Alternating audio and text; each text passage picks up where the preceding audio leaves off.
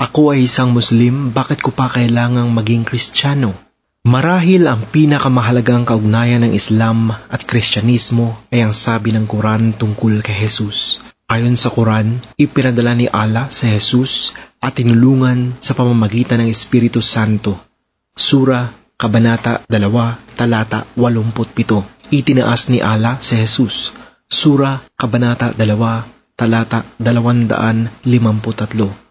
Si Jesus ay matuwid at walang kasalanan. Sura, Kabanata 3, talata 46, Kabanata 6, talata 85, Kabanata 11, talata 11. Si Jesus ay muling binuhay mula sa mga patay. Sura, Kabanata 11, talata 33 hanggang 34. Inutusan ni Allah si Jesus na magtatag ng relihiyon. Sura, Kabanata 42, talata 13 at si Jesus ay bumalik sa langit. Sura, Kabanata 4, talata 157 hanggang 158. Dahil dito dapat alamin at sundin ng mga tapat na Muslim ang mga turo ni Jesus. Sura, Kabanata 3, talata 48 hanggang 49, Kabanata 5, talata 46. Isinulat ng buong detalye ang mga turo ni Jesus ng kanyang mga alagad sa unang apat na aklat ng Bagong Tipan. Ayon sa Sura, Kabanata 5, Talata 111, ang mga alagad ni Jesus ay tinulungan ni Allah na maniwala kay Jesus at sa kanyang mensahe. Ayon naman sa Sura, Kabanata 61, Talata 6 at 14, si Jesus at ang kanyang mga alagad ay mga katulong ni Allah at bilang mga katulong ni Allah, Siguradong tama ang pagkakasulat nila sa mga turo ni Jesus. Inuutos ng Quran sa mga Muslim na paniwalaan at sundin ang Torah at ang unang apat na aklat sa Bagong Tipan, Sura, Kabanata 5, talata 44 hanggang 48. Dahil walang kasalanan si Jesus, totoo ang lahat ng kanyang itinuro dahil ang mga alagad ni Jesus ay mga katulong ni Allah, tama ang kanilang mga isinulat na turo ni Jesus. Itinuturo ng Quran na dapat pag-aralan ng mga Muslim ang mga aklat sa bagong tipan tungkol kay Jesus. Hindi ito iuutos ni Allah kung hindi mapagkakatiwalaan ang mga aklat na yun.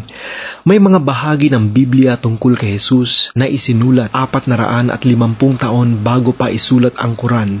Napakaraming kopya ang ginawa ng apat na aklat ng bagong tipan kung ikukumpara ang lumang kopya sa mga kopya sa panahon ni Muhammad at sa mga kopyang ginawa pagkatapos ng panahon ni Muhammad ay makikita natin na halos walang pagkakaiba ang mga sinasabi nila tungkol kay Jesus at sa kanyang mga turo.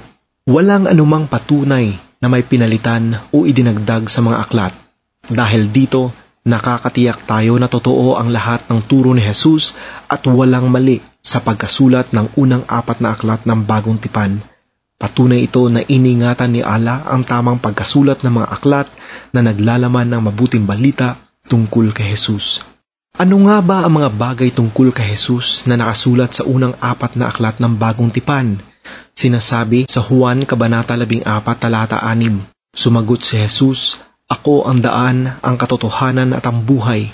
Walang makalalapit sa Ama kung hindi sa pamamagitan ko. Itinuturo dito ni Jesus na siya lang ang tanging daan patungo sa Diyos.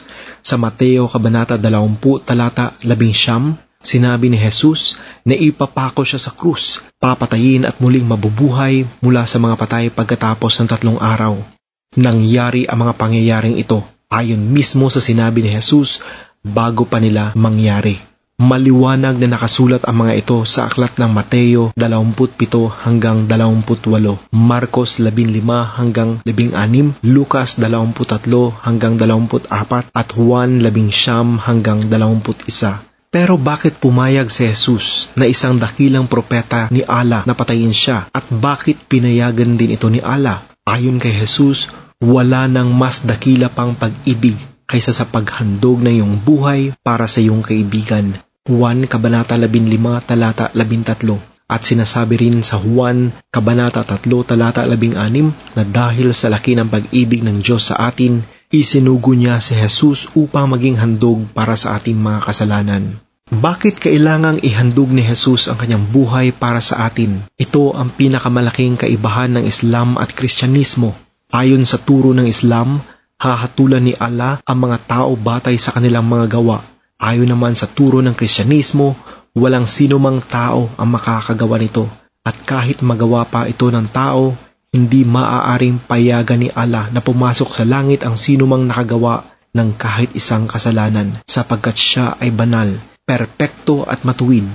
Kung ganoon, patungo tayong lahat sa impyerno dahil sa kabanalan ni Allah kailangang patawan niya ng hatol na parusa ang nagkasala. Iyon ang dahilan kung bakit kailangang ihandog ni Jesus ang kanyang buhay para sa atin.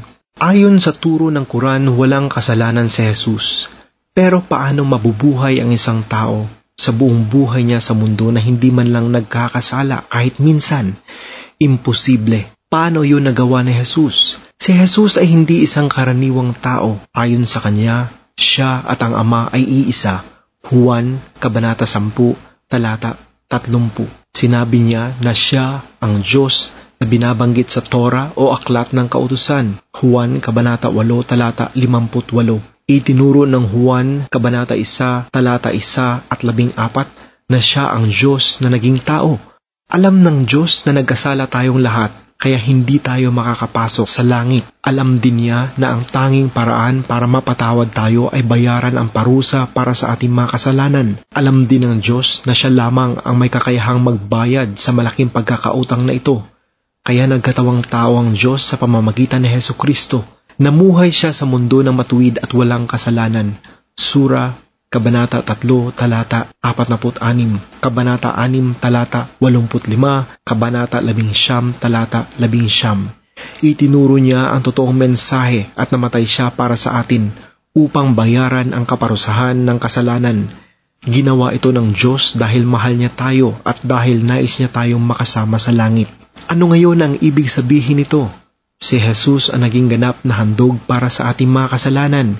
Iniaalok ng Diyos ng kapatawaran at ang kaligtasan ang lahat. Ang tanging kailangan nating gawin ay tanggapin ang kanyang alok sa atin. Juan, Kabanata 1, Talata 12. Sumampalataya tayo kay Jesus bilang sariling tagapagligtas sapagkat inialay niya ang kanyang buhay alang-alang sa atin. Kung manalig tayo kay Jesus bilang ating tagapagligtas, mayroon tayong katiyakan na may buhay tayong walang hanggan sa piling ng Diyos sa langit. Patatawarin tayo ng Diyos sa ating mga kasalanan, lilinisin at babaguhin niya ang ating espiritu. Paano natin matatanggihan ang ganyang kagandahang loob? Paano natin matatalikuran ang Diyos na nagmahal sa atin at ibinigay ang kanyang sarili bilang kaloob na pambayad sa ating mga kasalanan? Kung hindi ka pa sigurado sa iyong pananampalataya, inaanyayahan ka naming bigkasin ang dalangin ito. O Diyos, tulungan mo akong malaman ang katotohanan. Tulungan mo rin akong makita ang mali. Gabayan mo ako para malaman ko ang tunay na daan patungo sa kaligtasan. Amen. Hindi naman importante na ganito ang sabihin mo. Kung taos puso kang mananalangin sa Diyos, diringgin niya ang iyong panalangin. Kung nais mong tanggapin si Jesus bilang sarili mong tagapagligtas, Sabihin mo ito sa Diyos. Tandaan mo lang na hindi ang panalangin ito ang makapagliligtas sa iyo. Tanging ang pananampalataya ang makakagawa noon. O Diyos, salamat po sapagkat mahal mo ako. Salamat Jesus sa iyong paghihirap ng dahil sa akin upang mapatawad mo ako sa aking mga kasalanan at matanggap ko ang kaligtasan. Sumasampalataya ako ngayon at nagtitiwala sa iyo bilang sarili kong tagapagligtas. Susunod at magpapasakop ako sa iyo Amen. Ikaw ba ay gumawa ng desisyon para kay Kristo dahil sa iyong mga nabasa dito? Kung oo, i-click ang tinanggap ko sa Kristo ngayon sa ibabang kahon.